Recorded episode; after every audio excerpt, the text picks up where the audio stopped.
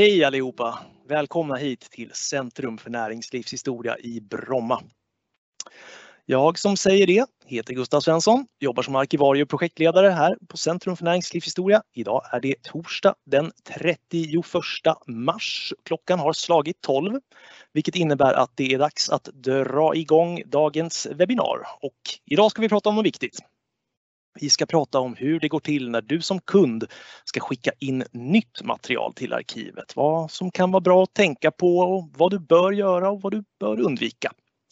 Och till att börja med, när man, när man blir kund hos CFN som vi brukar kalla oss, då blir man det ofta för att man har ett arkiv som behöver tas om hand. Det kanske står på vinden eller i källaren eller på något annat mindre lämpligt ställe kan man väl säga.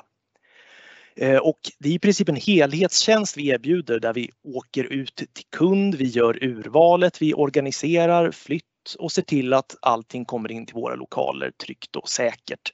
Men sen när det här stora arkivet så att säga står på plats hos oss är ju inte sagan slut där utan oftast så vi jobbar med aktiva kunder, aktiva bolag som fortfarande existerar och verksamheten löper ju på och arkivmaterial produceras löpande. Och så länge det fortsätter skapas arkivmaterial så mm, måste det ju tas om hand för det som produceras idag blir ju morgondagens historia. Och dagens webbinar sker i form av ett samtal mellan mig och Centrum för näringslivshistorias vice VD Christer Hillerud. Christer ansvarar bland mycket annat för vår kundserviceenhet Bild och faktasök som hanterar både kundförfrågningar och inleveranser av arkivmaterial. Så när ni som är medlemmar och kunder i Centrum för näringslivshistoria hör av er till oss, då är det oftast Christer och hans gäng ni kommer komma i kontakt med. Och är det så att ni har frågor under webbinariets gång så går det jättebra att använda möteschatten till det här så tar vi eventuella frågor i slutet av webbinariet. Så jag tänkte höra, Christer, är du med ja, mig? Jag är med. Vad härligt! Jag sitter, står i Uppsala och du sitter i Bromma. Det är våra två depåer som vi, som vi har här. Så vi kör det här på länk, men kul att ha dig med. Och jag tänkte faktiskt börja med att, ska vi se, jag ska dela en liten presentation här tänkte jag. Sådär. Ja, men jag tänkte så här, många av våra kunder, vi ska ju prata ganska mycket om hur man gör en inleverans till Centrum för näringslivshistoria. Men det många kunder kanske är, den första frågan de ställer sig kanske när man ska göra det. Har vi, har vi någonting vi skulle kunna, några medskick vi kan, vi kan ge där till att börja med? Det kan vi absolut göra. Mm. Vi ser ju hur det kan se ut. Det här är en väldigt typisk situation som jag tror alla känner igen sig i. På, som vi ser på bilden, det är ett kontor som är översvämmat av papper och man lyfter luren och säger nu måste vi arkivera. Men eh, man kan väl säga så här, frågan på när arkivering ska ske det kan eh, nog vara på lite olika sätt. För det första är det viktigt att säga att det är den egna organisationen eller företagets behov som avgör när det kan vara lämpligt att arkivera. Mm. vi tycker, sådana som jag och Gustav och alla våra kollegor här på Centrum för näringslivshistoria, tycker att det är bra om man kan hitta någon form av jämna intervaller för hur och när det här ska ske. Till exempel en gång om året eller en gång i halvåret eller en gång i kvartalet. Återigen, det är behoven som styr. Eh, och jag gissar att många egentligen landar i att man gärna vill göra det en gång om året. Ja, emellanåt hör jag mig själv säga att gör det i januari och det är en bra eh, en, bra övning förstås men det är klart att om, om alla våra 400 kunder vill göra det i januari så kanske det inte är den allra bästa månaden men helt enkelt vi kommer överens om vad som passar. Ja, jag tror det hade varit ett lyxproblem för oss om alla kunder hade levererat in på en gång. Definitivt så. Ja, ja. Definitivt mm. så.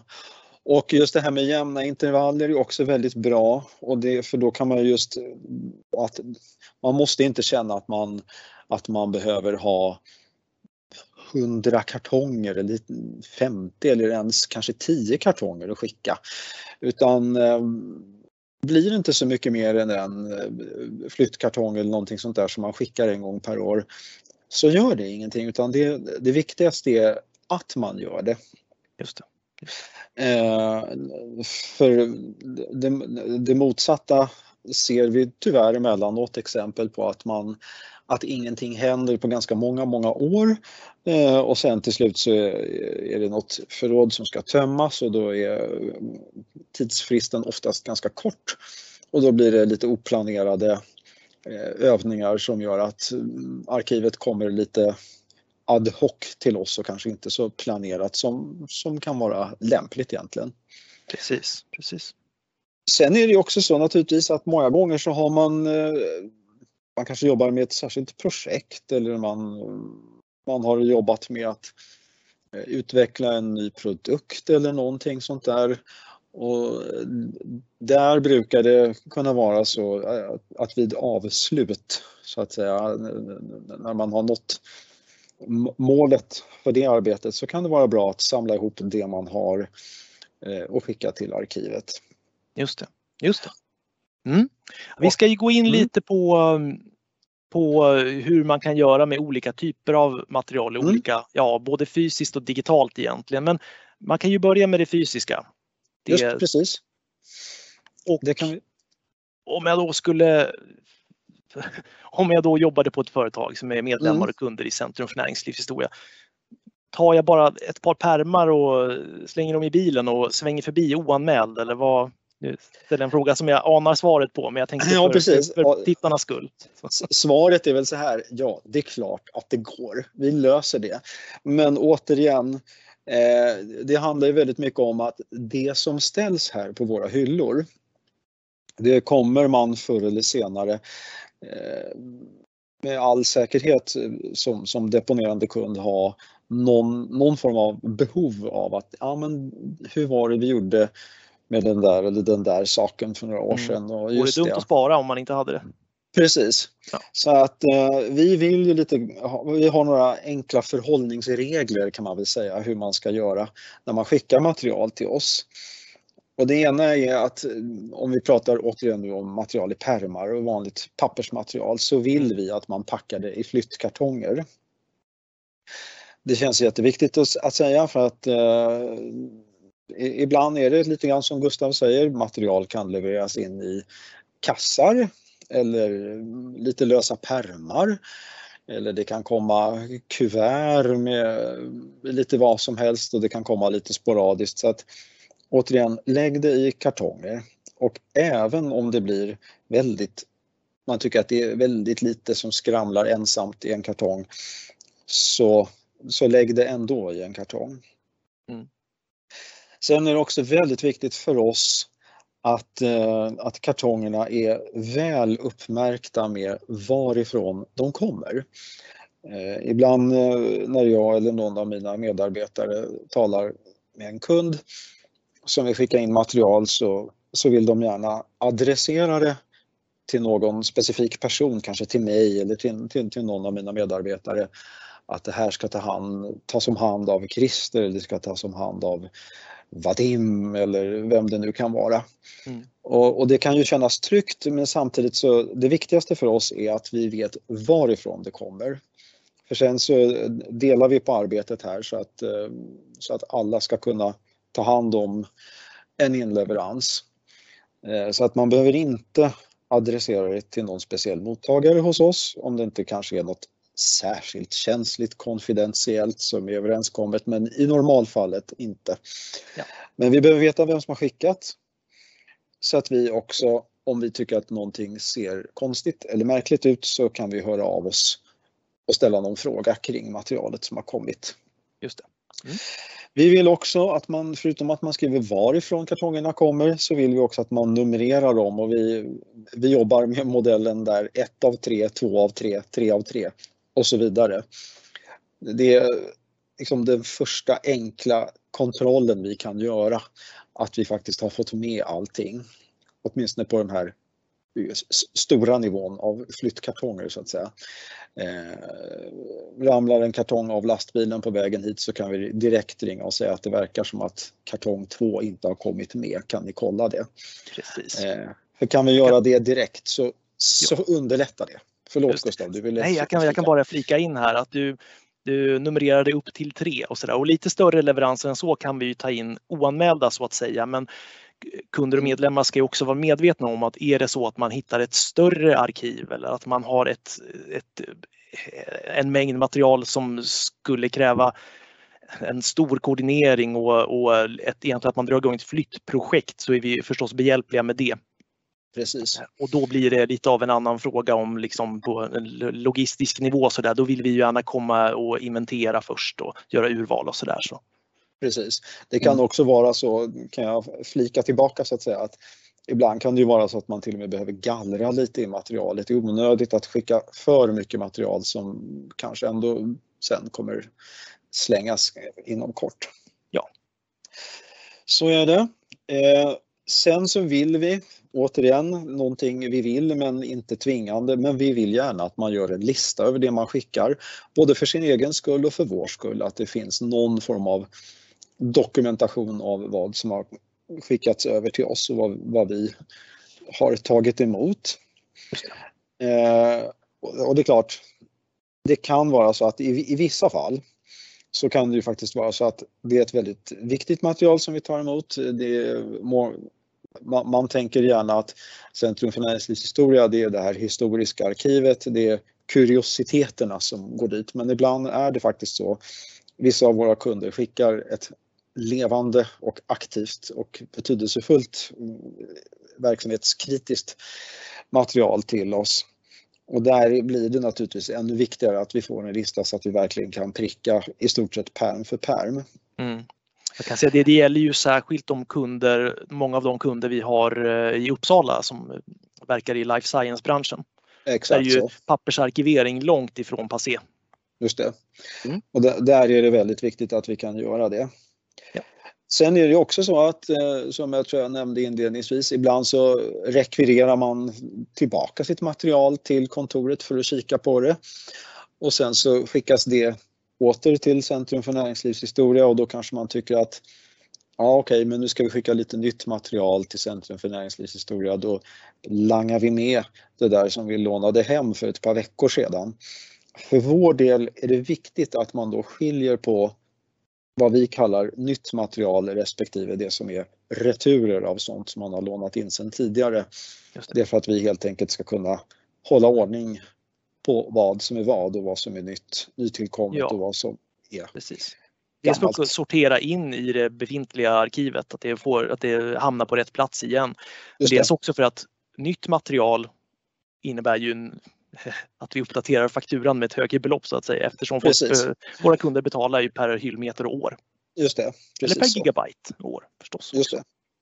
Mm. Och sen så är det en sista liten punkt som också är viktig och det är att man inte ska packa kartongerna till den absoluta bristningsgränsen utan mm. lämna gärna lite luft. Eh, vi, vi är ganska starka, vi har pirror och lite andra grejer här så att det går men, men det är också så att kartonger har en tendens ibland att gå sönder och eh, just mm. därför så tycker vi också att man nog inte måste spräckpacka.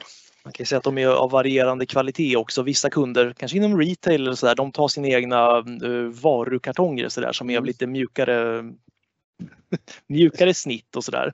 De Precis. håller max för en flytt. De kommer Precis. inte gå att återanvända, framförallt inte om det gäller tunga räkenskapsböcker från 1910-talet eller något sånt där. Så. Precis så. Ja, de kan bli mosad gräddtårta ganska fort. Det går ganska fort ja. Mm. Det här är mm. pedagogiskt och bra än så mm. länge. Men om en kund nu har packat enligt de här instruktionerna. Just det. Måste de skicka det eller kan vi hämta? Har vi en bil? Vi Nej, vi har ingen bil. Nej. Utan eh, vi, vi gör så att man packar sina grejer så att det ser ut så där i eh, källargången hemma på företaget. Mm.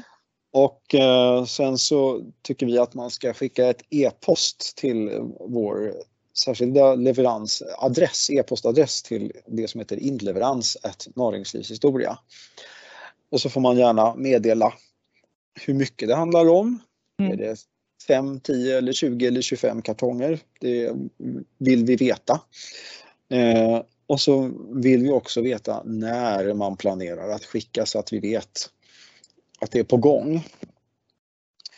Och sen kan det också vara så om man eh, enligt den förra sliden har gjort en liten trevlig lista över det material som man vill skicka så får man gärna mejla över den till inleveransadressen så att vi också har den elektroniskt.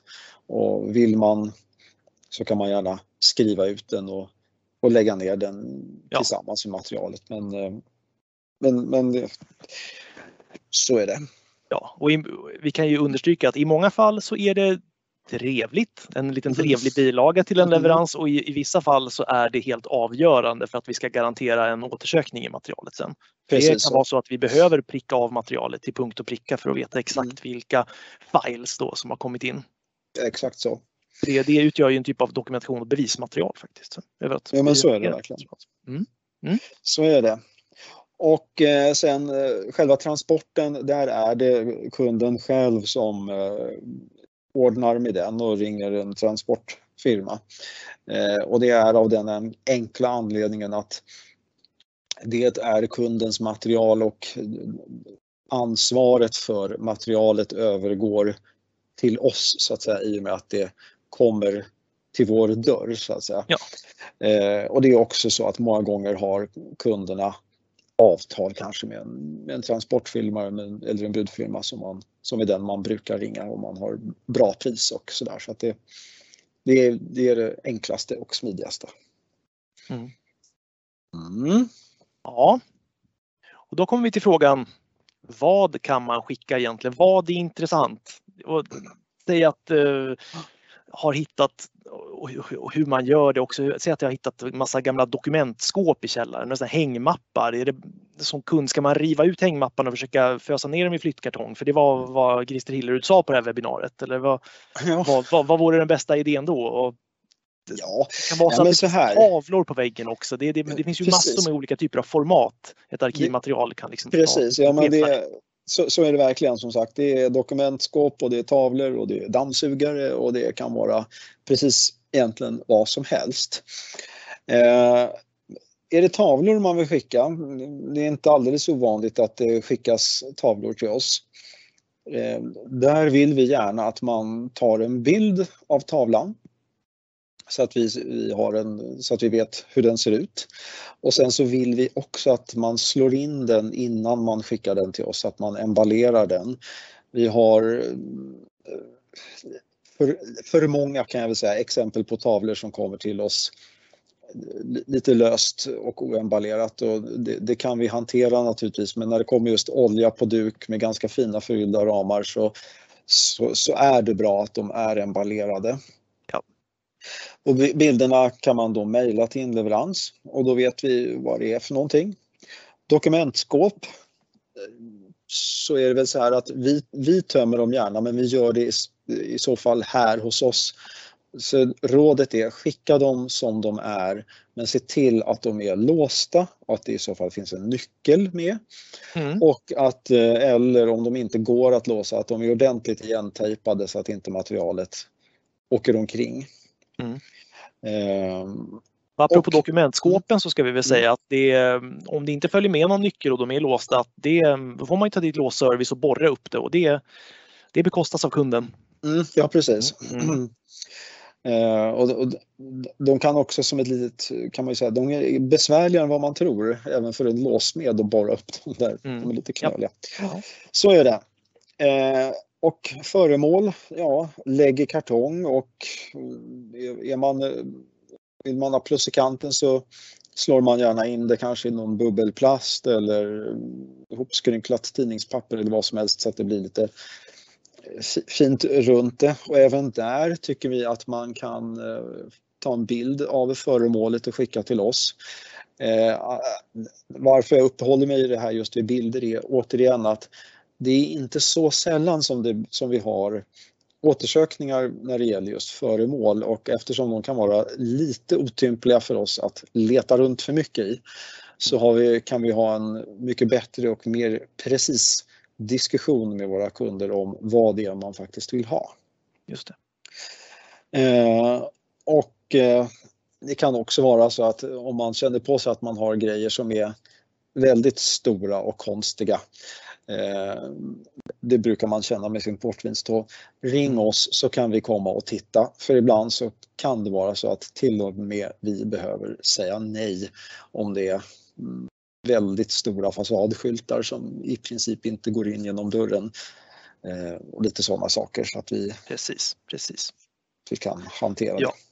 Och vi kan ju också förmedla kontakt till en, eh, den flyttfirma i Stockholmstrakten som vi litar på som vi har kommit fram till. Oftast gör allting rätt Just det, i den kontorsflytt. precis de, växer, de växer inte på träd har vi märkt. Nej. Mm, mm. Så är det. Yes. Ja, Mm. Då kanske vi ska nämna lite någonting om eh, digitala inleveranser också. För många som sitter och tittar kanske tycker att ja, det här är, det är ju bra om vi hittar gammalt material i källaren eller på vinden eller någon, någon gammal Mm. medarbetare kommer in och lämnar in någonting som de har hittat hemma i skubben. Men eh, det är ju inte riktigt så merparten av allt material tillkommer idag. Mm. Ja men så är det. Utan mycket är ju born digital. Just det, mycket Born Digital och eh, där kan det ju vara så att det liksom, nummer ett är att ja, vi tar emot digitalt material. Mm. Eh, och där kan det ju vara så att, eh, att, att det kan vara bra att vi har någon form av överenskommelse om vad det är som ska skickas över. eh, Att, att det finns någon form av policy så att det känns att, det, så att vi vet vad det är för typ av dokumentation som kommer helt enkelt. Då, då. Just det. Just Och att vi också kan säga att det här är någonting som vi kan hantera. Mm. Eh, själva, själva överföringen av material den kan ske naturligtvis på väldigt många olika sätt. Man kan ha en, någon typ av filöverföringstjänst, en eh, så kallad SFTP mm, jobbar vi med i, i vissa fall. En del tankar ut hemma på kontoret det som de tycker eh, ska arkiveras på en hårddisk som de ger till oss. I vissa fall så gör man det på en USB-sticka som man kommer och lämnar eller skickar eller någonting sånt där. Ja. Eh, och, eh, så, så det kan ske på väldigt många olika sätt naturligtvis. Mm. Eh, Ja, det? Ja, jag tänkte ju säga, jag tänkte kommentera den här fina, fina bilden och säga att vi kan ju ta emot digitalt eh, material i form som är lagrat på magnetband. Där blir det ju en fråga om läsbarheten förstås. precis så. Men vi, Ja. vi hade inte, kanske inte hade tackat nej. Nej, det hade vi inte gjort. Nej, precis, precis. Så är det. Och sen så har vi också faktiskt en möjlighet, eh, för det är en fråga som kommer ganska ofta, det här med webbsidor och, Mm. och om vi kan spara det. Och ja, det kan vi.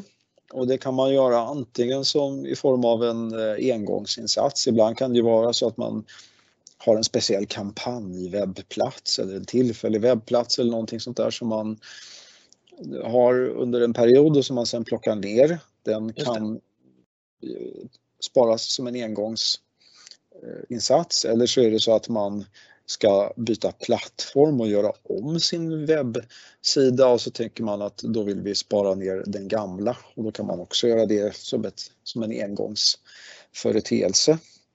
Mm. Men sen så kan det också vara så att man som företag känner att nej, men nu, vi vill på kontinuerlig basis spara ner våra webbplatser eller vår webbplats. Det, det kan man välja att göra en gång om dagen. Man kan göra det en gång i veckan eller månadsvis, kvartalsvis, årsvis. Ögonblicksbilder kan man säga. Ja. Alltså. Precis så. Eh, ja, så Ja. Då kanske den kritiska tittaren, jag ska bara kommentera, att, eh, Mm. säga att ja men det finns ju den här typen av arkiveringstjänster online. Det finns ju bland annat den här fantastiska Wayback Machine. Eh, som har tagit på sig den lilla nätta uppgiften att arkivera internet från, Mhm. inte dess begynnelse, men åtminstone sedan sent 90-tal eller sådär. Men jag vill i alla fall å min sida ge ett medskick där. Och det är att då, om man förlitar sig på att Wayback Machine ska backuppa ens egna gamla webbsidor, då lägger man ju någonstans ansvaret utanför organisationen, liksom ansvaret för sin historia någonstans där, man, där, som är, där det är helt utom ens kontroll. Man vet ju inte, ärligt talat, om Wayback Machine kommer att ha stadig finansiering 20, 30, 40, 50 år framöver och man vet inte om det här, det här källmaterialet faktiskt kommer finnas kvar. Det finns inga garantier. Om man sparar sitt material själv så har man den garantin. Så kan man väl säga. exakt så. Ja. Precis. På, gå över i ett litet brandtal där men jag ska, jag ska eh, Jag ska begränsa mig lite. Ja. Sen när materialet väl har levererats in då. Just det. Det är inte så att vem som helst får tillgång till det heller när det väl Nej. är inlämnat. För jag brukar säga man lämnar ju inte bort material till Centrum för näringslivshistoria, man lämnar in. Precis, mm. eh, så är det verkligen. Så att eh, den som på det viset som det syns på bilden här kan ta ut arkivmaterial, det är vi som arbetar här. Och eh, det är så att allt material som står här lyder under sekretess. Eh, och eh, det betyder att varje företag som lämnar material till oss, för varje sådant företag ser vi till att vi har det som vi kallar för en tillståndsgivare. Eh, och det kan möjligen låta lite som ett högtidligt begrepp men det är så att vi behöver ha en person till vilken vi oftast mejlar och kollar att det är okej okay att lämna ut material. Mm. Och eh, det kan vara så att den personen kanske inte alltid själv är den som beslutar. Ibland behöver man lyssna bakåt hemma på kontoret och checka, kan det här gå för sig? Lämna ut det här materialet eller inte? Men det är den som är våran samtalspartner så att säga för de här Precis. frågorna och som vi vet att när vi får ett ja från den personen, ja då är det ett ja. Eh, och det är också så att eh, detta gäller faktiskt både om det kommer en extern forskare, någon från universitetet eller någon som är i största allmänhet intresserad av företagets historia. Ja. Men det gäller också om det kommer frågor inifrån själva företaget. För en, och där kan, vet jag att en del uppfattar oss som kanske aningen fyrkantiga. Eh, när man hör av sig till oss och säger att jag jobbar på företaget X och nu skulle jag vilja titta på de här gamla grejerna. Då tar vi även en sån fråga via tillståndsgivaren och det är av den mycket enkla anledningen att visst material som produceras inom företaget har även en intern informationsklassning kan vi säga. Så att mm. eh, bara för att man är anställd så har man kanske inte full tillgång till att titta på all dokumentation som, just som det, landar här. Och sen så ska vi också flika in att det gäller oavsett hur så att säga harmlöst inom citationstecken ett material mm. är. Tillhör det kunden, även om det är tryckta årsredovisningar som delades ut till höger och vänster för tio år sedan så är det ändå kundens egendom. Vi mm. måste fråga om lov innan någon får titta på det. Precis, precis så är det. Så, så vi har ju ingen intern värdering av att jo, men det här borde vara okej utan att fråga utan vi frågar om allt till tillståndsgivaren ja, i princip. Precis. Mm. För det, det, är deras, det är deras material. Och det gör vi också, dels för att egentligen inte eh, öppna för någon form av godtycke naturligtvis från vår sida. Mm.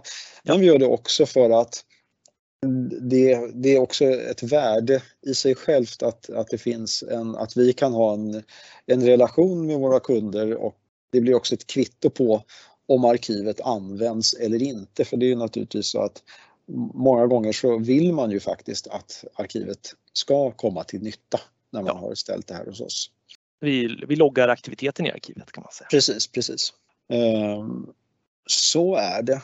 Och ja. Eh, jag tror att det fanns en liten punkt till där Gustav. Ja, Precis. Det är väl egentligen om eh, någon blir, skulle bli sugen på att uh, titta i sitt så att säga arkiv mm. eller i någon annans arkiv. För man märker mm. att det står ju material från så oerhört många olika företag och det finns en otrolig potential i att forska i materialet. Hur, hur går man tillväga? Jo, men det, det, är egentligen inte så väldigt svårt för där har vi en annan adress. Det, jag ber om ursäkt om det är för många mejladresser. Men, men... Ja, två än så länge. Jag, tror, jag, jag, det, det, jag, jag har höga tankar om publiken, de ska klara det. Ja, det är bra det. Det är, det är helt rätt Gustav. Ja. Då mejlar man faktiskt till det som heter bild och fakta. För det kan ju vara just att man behöver fakta ur arkiven eller möjligen en bild. Eh, eller både och. Mm. Så då mejlar man till bild och fakta ett näringslivshistoria och då skriver man vad det är man är intresserad av och man får gärna berätta om det är bråttom eller inte att få svar på det här. Det. Eh, I normalfallet så brukar vi svara samma dag och eh, ibland lite, kan det ta lite mer tid men då mm. meddelar vi också det att det kan vara en fråga som kräver en viss researchinsats eller så. Men Just det. Så är det. Mm. Jag ska ta bort denna presentation och se om det är så att Det har inkommit några frågor och det ska vi se. Ja, ska vi se. Det var lite praktiska frågor om hur vi, huruvida man kan se i efterhand och det går ju naturligtvis bra. Vi lägger upp det på vår Youtube-kanal. Vi eh, lägger också numera upp ljudspåret som podd. Det hittar du på olika ställen där man hittar poddar under namnet Radio CFN. Det var en teknisk fråga från Kristoffer som undrar om man sparar en eh, fungerande webbsida, eh, en, om man sparar en webbsida enligt det här sättet vi beskriver, blir den klickbar eller blir det egentligen bara som bilder av varje sida? Blir det med andra ord skärmdumpar eller blir den interaktiv som den var en gång i tiden? Eh, den, bevara, den kan bevaras med, med interaktivitet. Då hade vi ni får jättegärna inkomma med fler frågor för det är den andra och sista jag tar nu nämligen, eller den senaste än så länge i alla fall. Den kommer från eh, Lars. Han eh, säger att ja, Vattenfall AB har sitt historiska bibliotek lagrat hos CFN. Om jag hittar en PM som jag tycker hör hemma i det biblioteket, kan jag då lämna in det direkt till CFN eller måste det gå via en person på Vattenfall? Ja, det är en, en bra fråga. Eh, man kan lämna direkt. Eh, vi har nu just när jag säger Vattenfall så minns jag inte exakt namnet på vem, men vi har, det är oftast samma person som tillståndsgivaren. Mm. Det kan vara bra att åtminstone CC en sån person i, i en konversation som handlar om att man vill så att säga, utvidga arkivet eftersom det som, som, som du nämner Gustav, så är det så att eh, tilläggsleveranser faktureras och då kan det emellanåt bli så att eh, för fakturan eh, skickar vi till en och samma person och om det då helt plötsligt kommer faktur på saker och ting som den personen inte känner till så, så kan det vara inledning till en diskussion. Vi säger så. Just det, just det. Därför så kan det vara bra att, att man meddelar. Annars gör vi det. Japp, japp. Mm ska vi se om det har... Ja, vi fick lite, fick lite hurrarop och lite tack här. Ska vi se. Ehm, kan... Ska vi se om det har kommit. Ja, ska vi se. Det är någon som undrar om man kan ta del av presentationen med all information. Uh, vi ska undersöka saken får vi väl säga. Det, det, ibland har vi lagt upp, uh, uh, lagt upp de här, de här Powerpoint-presentationerna i efterhand på Slideshare och jag tror att vi ska kunna göra det den här gången också. Så att ni håller koll på båda in, inleverans är näringslivshistoria och bild och fakta är näringslivshistoria. Så jag fick just besked om att eh, vi kommer att skicka med det i tackmejlet som går ut till alla anmälda. Så ja, ni kommer att se den här presentationen på Slideshare. Så den kan ju vara bra att ha om man är kontaktperson på ett företag till exempel, eller om man är allmänt intresserad av CFNs verksamhet. Ja, det verkar som att det var de frågor vi fick idag. Hoppas att ni som tittar som är eh, kunder har, och medlemmar har fått lite matnyttig info som ni kan ha i bakhuvudet nästa gång det blir dags att skicka in arkivmaterial till oss. Och, eh, ni tittare som ännu inte är kunder har fått lite inblick i hur det funkar när man är kund och Centrum för näringslivshistoria. Så då får jag egentligen eh, ja, avsluta med att tacka er som tittat för uppmärksamheten. Tack till Christer som stod pall för alla mina frågor. Tack själv. Ja, jättekul att ha kollegorna på Bild och faktasök med. Um, och jag ska också säga att ni kan se det här webbinariet och alla tidigare på vår Youtube-kanal och de senaste avsnitten har vi även klippt ihop till poddavsnitt som ni hittar där ni hittar poddar och under namnet Radio CFN. Då återstår egentligen bara för mig att säga på återseende och tack!